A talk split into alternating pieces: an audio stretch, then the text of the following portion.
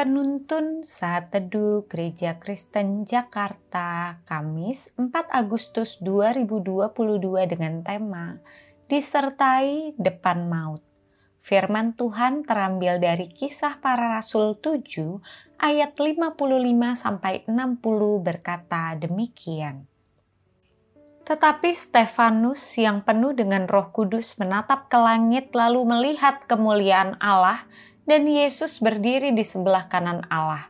Lalu katanya, "Sungguh, aku melihat langit terbuka dan Anak Manusia berdiri di sebelah kanan Allah."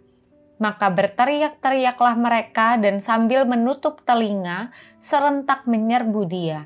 Mereka menyeret Dia keluar kota, lalu melemparinya. Dan saksi-saksi meletakkan jubah mereka di depan kaki seorang muda yang bernama Saulus sedang mereka melemparinya, Stefanus berdoa.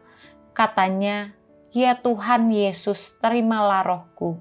Sambil berlutut, ia berseru dengan suara nyaring, Tuhan, janganlah tanggungkan dosa ini kepada mereka. Dan dengan perkataan itu, meninggallah ia. Pengakuan iman rasuli adalah pengakuan iman sepanjang masa. Pengakuan iman ini dilakukan dalam tiga kondisi. Pertama, ketika memutuskan diri untuk dibaptis dan masuk tubuh Kristus. Kedua, dalam ibadah orang percaya. Tetapi yang ketiga yang mungkin jarang diketahui bahwa sejak abad-abad awal gereja, ketika orang Kristen menghadapi penganiayaan dan berhadapan dengan kematian di depannya, maka orang percaya akan berdiri dan mengucapkan pengakuan iman ini di hadapan orang-orang yang menganiayanya dan hendak membunuhnya. Iman percaya ini dipegangnya sampai mati. Dalam nats yang kita renungkan hari ini, Stefanus sedang berhadapan dengan ancaman kematiannya. Dengan penuh keberanian, ia menyatakan keteguhan dan kekukuhan iman percayanya kepada Kristus yang ditolak oleh bangsa Israel.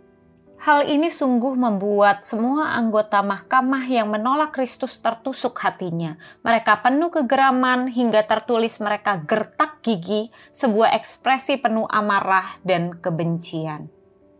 Tetapi Stefanus tetap kokoh di tengah bahaya kematian yang tidak mungkin terelakkan itu. Dengan penuh roh kudus ia melihat kemuliaan Allah dan Yesus berdiri di sebelah kanan Allah. Sebuah kebanggaan dan kehormatan baginya untuk tetap teguh imannya di tengah bahaya yang mengancam. Kekuatan dari Allah Trinitas menguatkan dia menghadapi bahaya di depannya. Dia mengalami penyertaan Tuhan untuk tetap teguh imannya sampai menjumpai kematiannya sendiri. Dia menyerahkan nyawanya kepada Kristus dan mengampuni orang-orang yang menganiayanya seperti Kristus mengampuni orang yang menganiaya dirinya salah satu komplotan dalam penganiayaan yang diampuninya adalah Saulus atau Paulus. Dan Paulus di kemudian hari dipakai Allah untuk melanjutkan pemberitaan Injil yang luar biasa. Saudaraku, banyak orang percaya yang memahami penyertaan Tuhan hanya sampai sebatas kita dapat keluar masalah atau mampu menghadapi persoalan hidup. Penyertaan Tuhan lebih dari itu Penyertaan Tuhan yang sejati adalah Dia menguatkan kita dalam menghadapi segala situasi, termasuk ancaman kematian.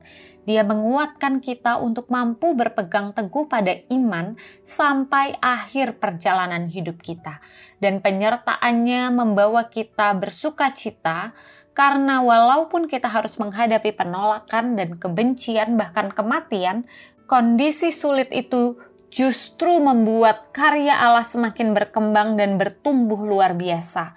Semua harga dibayar dalam menjadi murid Kristus itu sepadan dan tidak ternilai harganya. Karena itu, marilah terus berpegang pada iman kita dengan kekuatan penyertaannya sampai akhir hidup kita. Dapat teguh berpegang pada iman di depan bahaya maut.